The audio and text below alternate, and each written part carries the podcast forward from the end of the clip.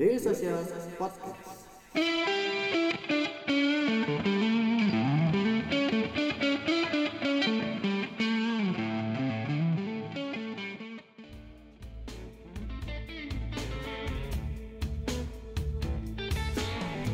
Halo, selamat sore teman-teman Daily Social Podcast. Balik lagi di ngobrolin startup nih Daily Social Podcast.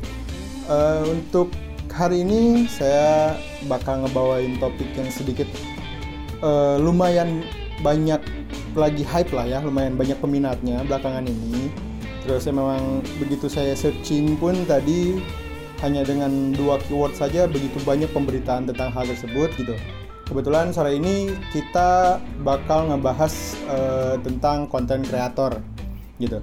Konten kreator yang di mana eh, hari ini lagi marak lah ya, lagi banyak dan lagi digandrungi sama para millennials yang dengan iming-iming yang sangat besar. Nah, kebetulan untuk ngebahas konten kreator ini saya udah kedatangan eh, seorang narasumber yang memang boleh kita katakan capable lah untuk membahas ini.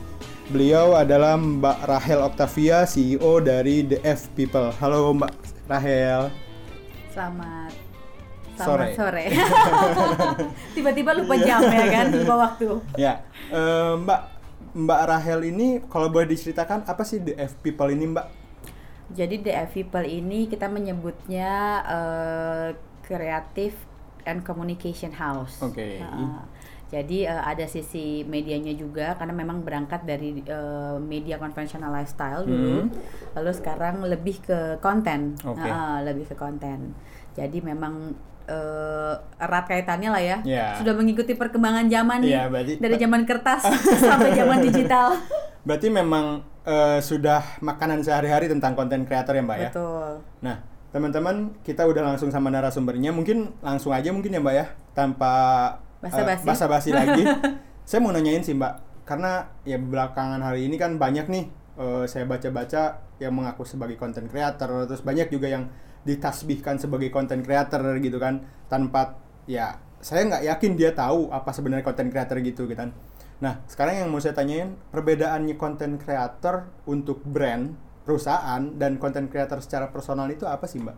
Iya benar juga ya. Sekarang tuh eh, kalau ditanya eh, kerjaan kamu apa sih? Content, Content creator, creator. ya kan? Kayaknya keren gitu ya. Iya, betul. Wah, apa? Padahal kalau orang yang generasi lebih tinggi apaan sih tuh gitu ya.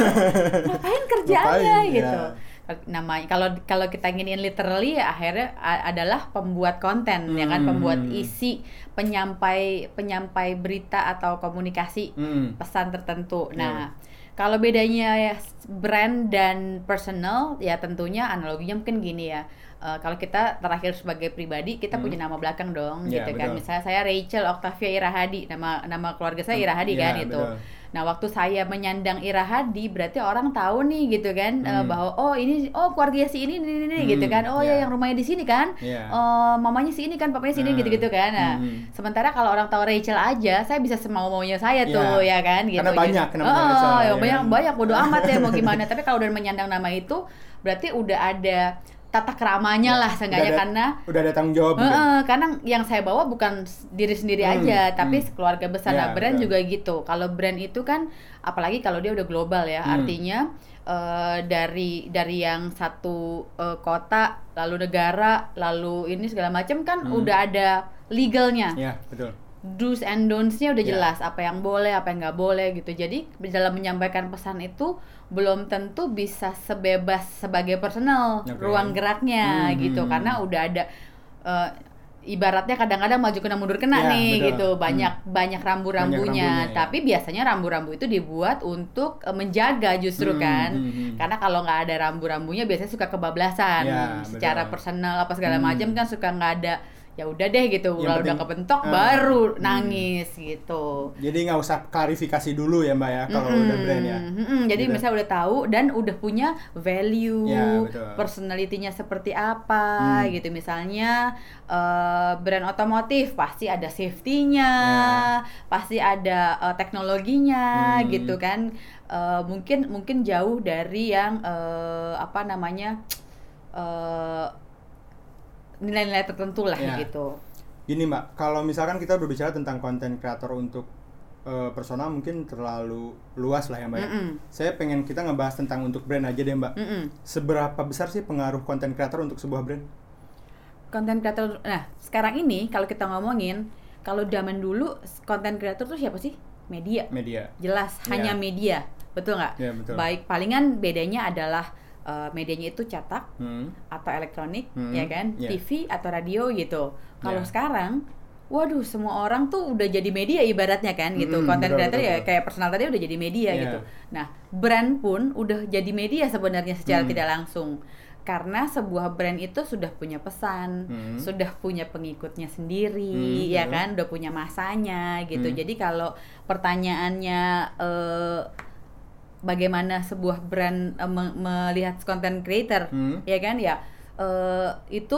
Jadi kalau bagaimana ini angle-nya sih sebenarnya Oke. angle-nya. Jadi dari brand itu misalnya message-nya adalah begini begini begini begini. Hmm. Kalau komunikasinya kepada content creator eh, yang lebih muda ya Hmm. berarti gayanya mesti ada beda Ya. gitu. Tapi pesannya mesti sama, Hmm. rambu-rambunya mesti sama. Jadi sebuah brand melihat kom- eh, content creator sebenarnya tidak boleh dilihat sebagai kompetitor.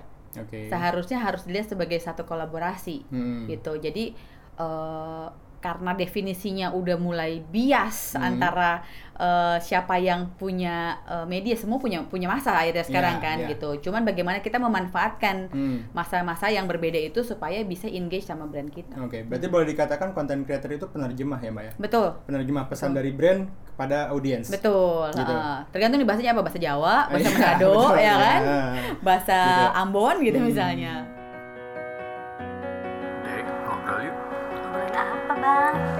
Bareng media sosial.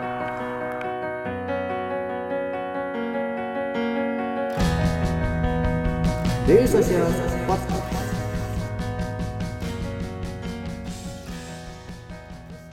Setelah konten nih Mbak, kita kan otomatis membuat konten itu tidak mudah Mm-mm. bagi sebuah seorang konten creator apalagi untuk sebuah brand gitu. Mm-mm. Nah, itu apakah tugas seorang konten creator itu hanya membuat konten doang?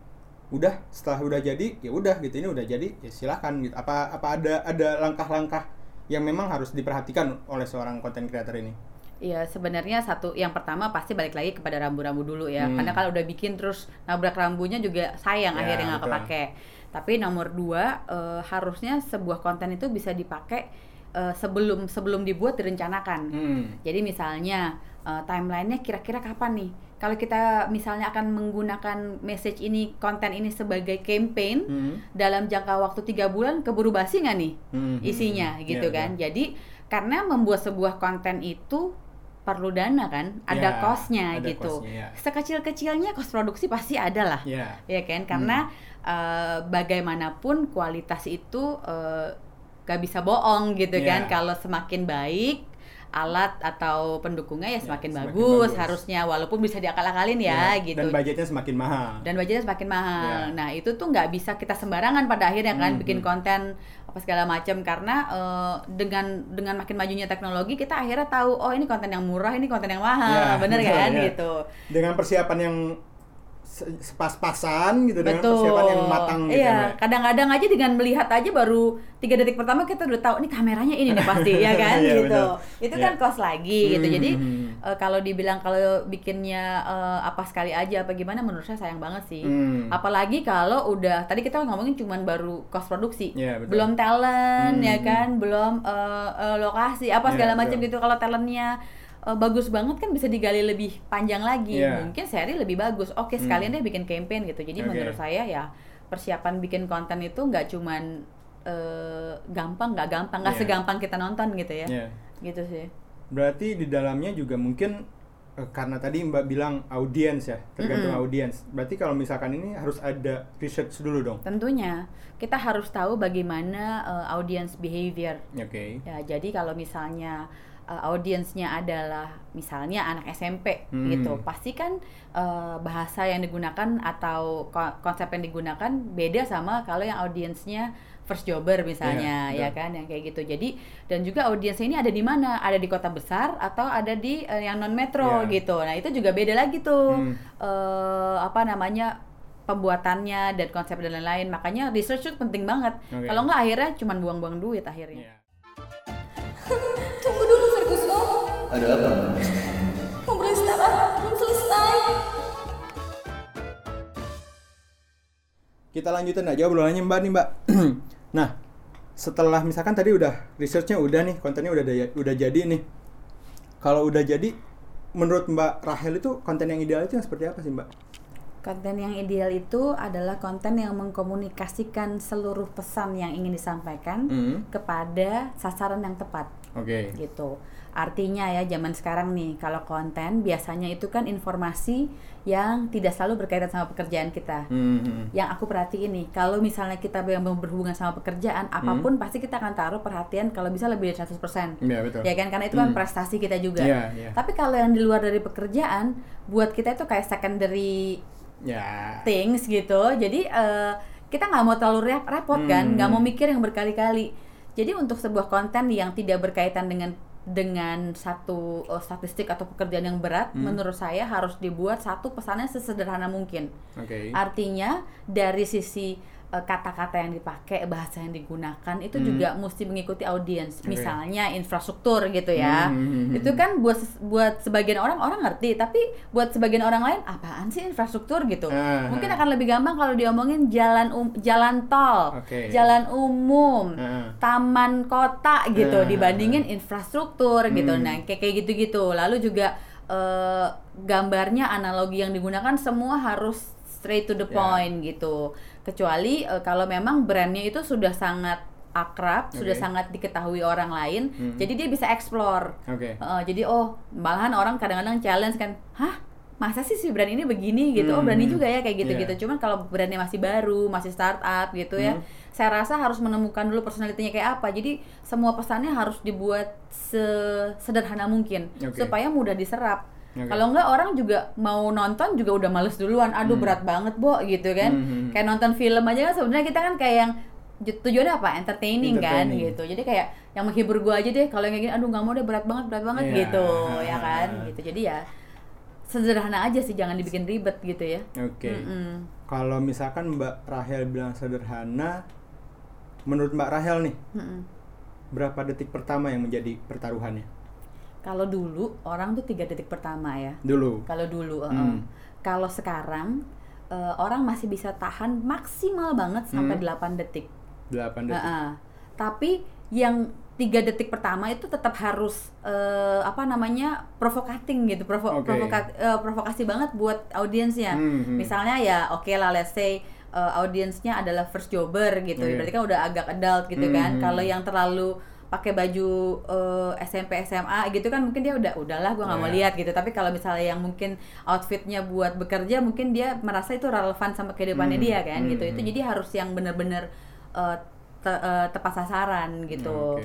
tapi eh, setelah 8 detik itu udah maksimum banget ya kalau misalnya udah udah ada faktor yang dia tidak tertarik udah bye pasti. Di atas 8 detik kalau misalkan tidak menarik udah ditinggal iya biasa kan? ditinggal walaupun tetap aja ya kayak koneksi internet berpengaruh Hmm, gitu hmm, kan hmm. kalau buffering kelamaan juga udahlah yang ya. males Hmm. gitu dan sekarang juga kan kayak eh, kadang-kadang iklan-iklan itu yang nggak bisa di skip agak mengganggu Hmm, gitu ya hmm, itu hmm. kan ya itu juga kayak ya udah mau nggak mau gitu Hmm. Eh, tapi kalau misalnya iklannya bagus kan sebenarnya kita Hmm. tonton sampai habis kan Iya, kita nggak mungkin skip ads mungkin skip, gitu ya.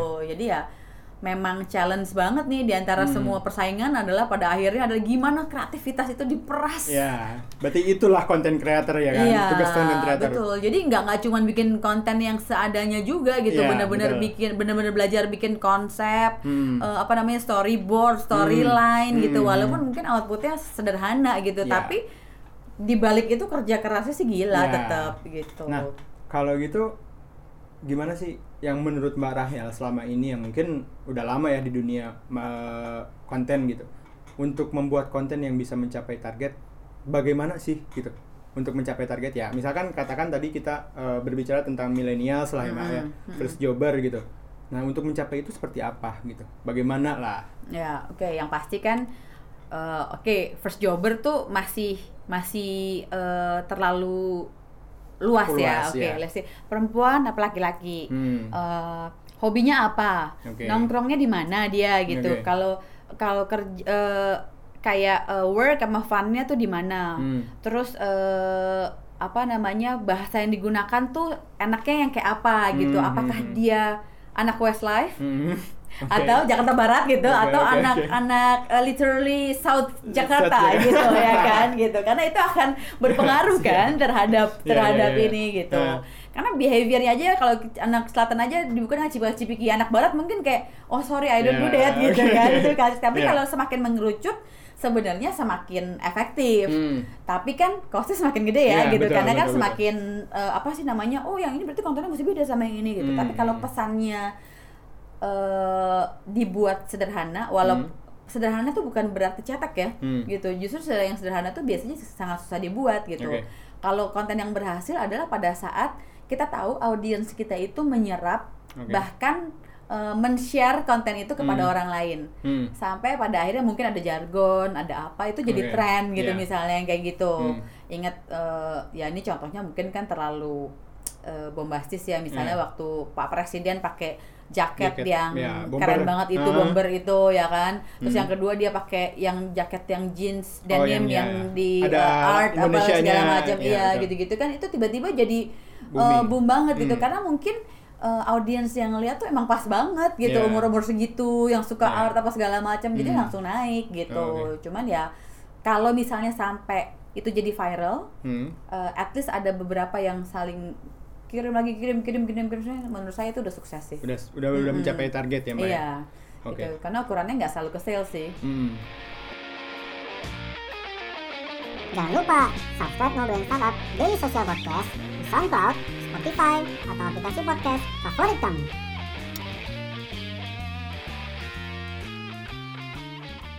Berarti content creator bukan hanya untuk sales. Iya. Karena eh, sales itu salah satu indikasi Oke. berhasil, tapi message di balik itu pun juga menentukan Oh, gitu. oke. Jadi kayak misalnya eh, apa ya, misalnya jargon satu iklan brand gitu. Hmm. Eh, atau tone nada atau apa segala macam Iya, gitu iya. itu oh ini pasti si ini gitu Hmm, nah hmm. belum tentu dia beli di situ sih cuman Iya. udah nempel tuh tone-nya Iya. apa segala macam itu udah udah udah satu keberhasilan sih Oke. karena content creator itu sebenarnya marketing tools juga kan Mm-mm, ujung-ujungnya ada tim lain yang harus menjual lebih keras lagi. Iya. gitu Berarti content creator itu hanya ya kalau boleh dikatakan hanya alat untuk marketing. ya sebagai salah satu alat marketing Hmm. tapi kalau dia berdiri sendiri terus diharapkan dengan adanya konten ini langsung bisa jualan Hmm. saya rasa nggak semudah itu Harus lebih kerja keras. Iya, harus ada tim yang akhirnya setelah konten itu naik, Oke. ada call to actions yang bisa nangkep, Oke. Gitu. Berarti nggak bisa sendiri dong, Mbak? nggak bisa sendiri, teamwork. Teamwork. Heeh, Jadi ya kalau misalnya misalnya seperti let's say youtubers youtubers deh kita Hmm. ngomongin beauty lah gitu ya, Ya, ini oke. nah eh, pada pada dasarnya dia mempromosikan, Hmm. tapi kan itu akhirnya orang beli eh, followersnya dia pada beli apa segala macam sebetulnya dia juga nggak tahu kan Ya. karena bukan dia yang jualan betul. dia mempromosikan produknya orang lain Hmm, gitu hmm, hmm. nah jadi eh, ada tim lain tim dari brand yang nangkep followers followersnya itu kan Oke. kalau dari digital kan data udah banyak tuh ya Ya. oke yang lihat adalah perempuan umur segini segini segini segini, segini, langsung ditangkap ininya Hmm. gitu IP apa segala macam Berarti kalau gitu eh, content creator itu hanya untuk awareness doang dong, Mbak? Eh, bisa sebagai awareness udah pasti awareness Ya. tapi setelah itu biasanya ada engagement kan Ya, betul. engagement tuh kayak orang komen Hmm, ya kan orang kayak nanya-nanya terus mungkin setelah itu orang eh, misalnya saya jualan produk lipstick Hmm. ya eh, saya membuat konten mengenai kalau pakai lipstick ini kamu terlihat lebih menarik lebih Hmm. apa segala macam nah setelah konten ini naik ternyata search di eh, mesin pencari digital itu Hmm. eh, banyak menyatakan produk yang saya naikin kontennya Hmm. gitu. Nah itu berarti udah ukuran keberhasilan juga sebenarnya karena tiba-tiba Oke. dicari orang dong. Iya, betul. karena orang cari review apa Oke. segala macam Mhm. sebelum ah, pada akhirnya call to actionnya untuk beli Ya. gitu. Jadi eh, ujung tombaknya tuh nggak cuman ke sales, Oke. Eh, eh, tapi juga kayak awareness engagement juga kan Hmm, gitu. Karena kita pada akhirnya mungkin nggak tahu bahwa dia akan belinya di mana, akan ke toko, Oke. akan eh, online atau Ya, e-commerce uh. gitu kan, atau eh, dia belinya di mana gitu kan Hmm. kita nggak tahu gitu. Oke. Cuman biasanya ukurannya digital ya mesin pencari data Oh, itu. Oke, udah udah ya udah banyak lah ya yang tadi kita bahas gitu.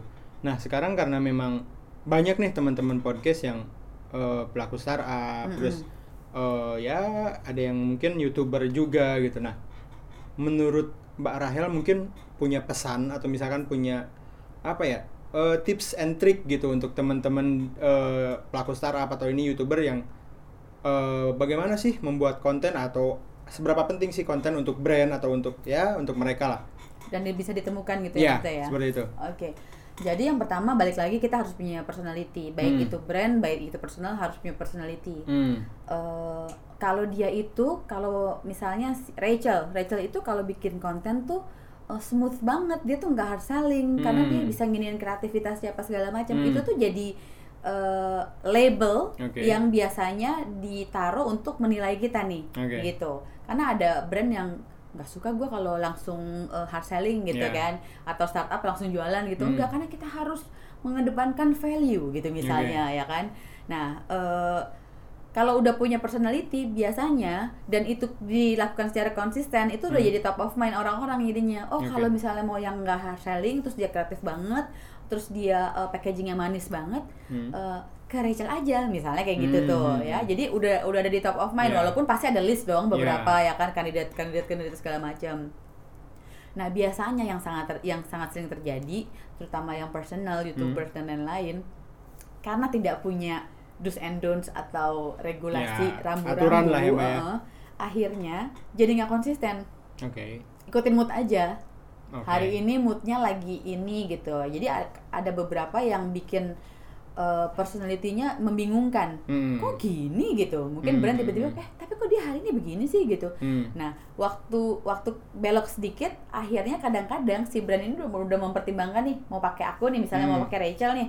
Tapi ternyata karena aku moodinya parah, begini, ini kayak nyinggung eh, apa borderline-nya rambu-rambunya dia deh Oke. gitu. Akhirnya nggak jadi dipakai deh ya. gitu. Jadi konsisten itu harus sih. Nah itu yang Oke. kadang-kadang karena karena sekarang digital atau netizen atau eh, generasi yang sangat digital ini pada dasarnya mudah bosan, Hmm. jadi mudah berubah Hmm. gitu. Itu jadi nggak konsisten gitu. Jadi Iya. kalau lagi semangat ya bisa kayak gitu. Hmm. Tapi menjaga mood itu nggak segampang itu kan. Oke. Nah gitulah biasanya Hmm. eh, apa namanya jempol itu mengikuti mood. Iya, benar. Ya, betul betul. Nah, kesan-pesannya untuk teman-teman yang menurut Mbak Rahel mungkin masih banyak nih di luar sana yang tertarik untuk menjadi content creator atau misalkan ada juga brand yang masih ragu untuk memperkerjakan content creator atau masih apa sih content creator gitu. Hmm. Ada pesan-pesannya nggak, Mbak? Satu belajar dulu yang banyak. Oke.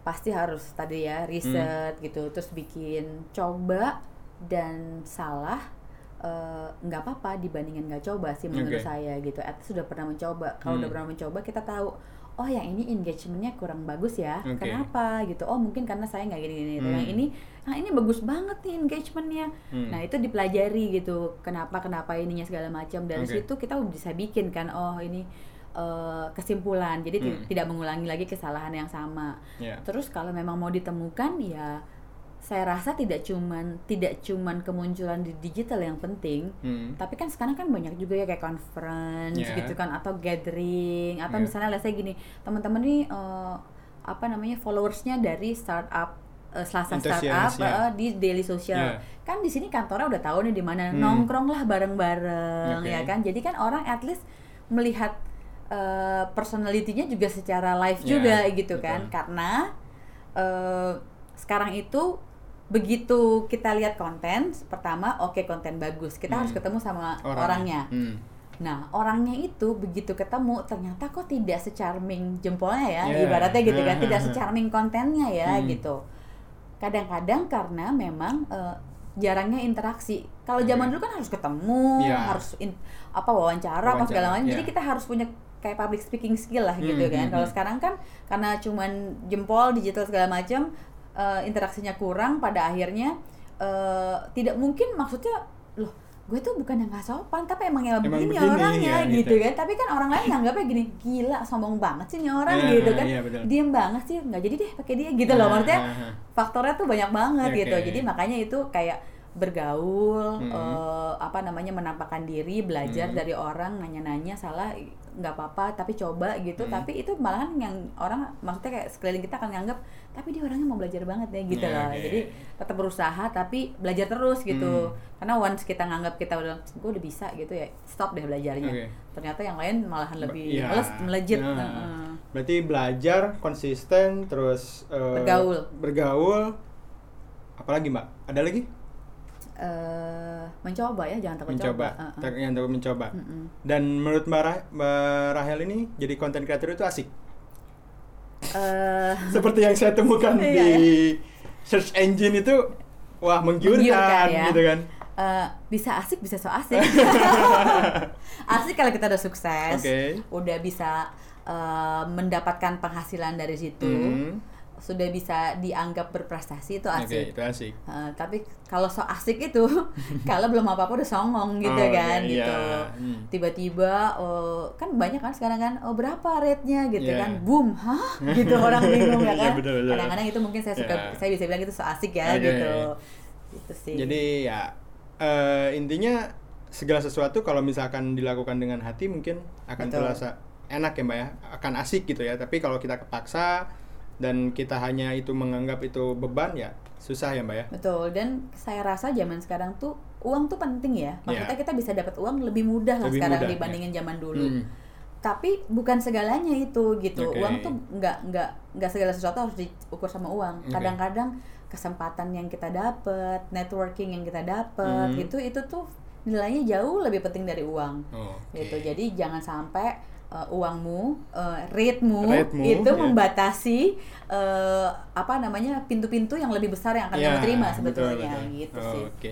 Gitu mungkin teman-teman ya menurut saya cukup eh, nonjok sih ya itu pesan-pesannya ya. Jangan sampai redmu menutup pintu-pintu rezekimu lah ya Mbak Iya, ya. betul. Gitu. Mungkin gitu aja teman-teman untuk eh, topik kita hari ini. Makasih Mbak Rahel udah datang ke Daily Sosial karena eh, kebetulan Mbak Rahel ini juga menjadi pembicara kita di Selasa Startup. Jadi kalau misalkan nanti teman-teman pengen tahu eh, bagaimana menjadi konten creator atau bagaimana konten creator hari ini, bisa teman-teman eh, saksikan di YouTube kita karena memang nanti eh, kita live streaming juga. Jadi eh, YouTube-nya akan kita post di eh, YouTube-nya Daily Sosial. Teman-teman bisa lihat di sana nanti Mbak Rahel bakal memaparkan data-data yang sudah Mbak Rahel susun di, di PowerPoint gitu. Mbak Rahel terima kasih untuk sorenya. Semoga teman-teman Daily Social Podcast mengambil banyak manfaat dari apa yang Mbak Rahel sampaikan. Mungkin gitu aja ya teman-teman. Saya pamit untuk eh, sampai jumpa di Daily Social Podcast berikutnya. Terus keep in touch bersama kita di dailysocial.id untuk website kita. Di Facebook kita ada dailysocial.id, di Twitter kita ada @dailysocial dan di Instagram kita ada @dailysocial_id. Di LinkedIn kita ada Daily Social dan di YouTube kita ada Daily Social.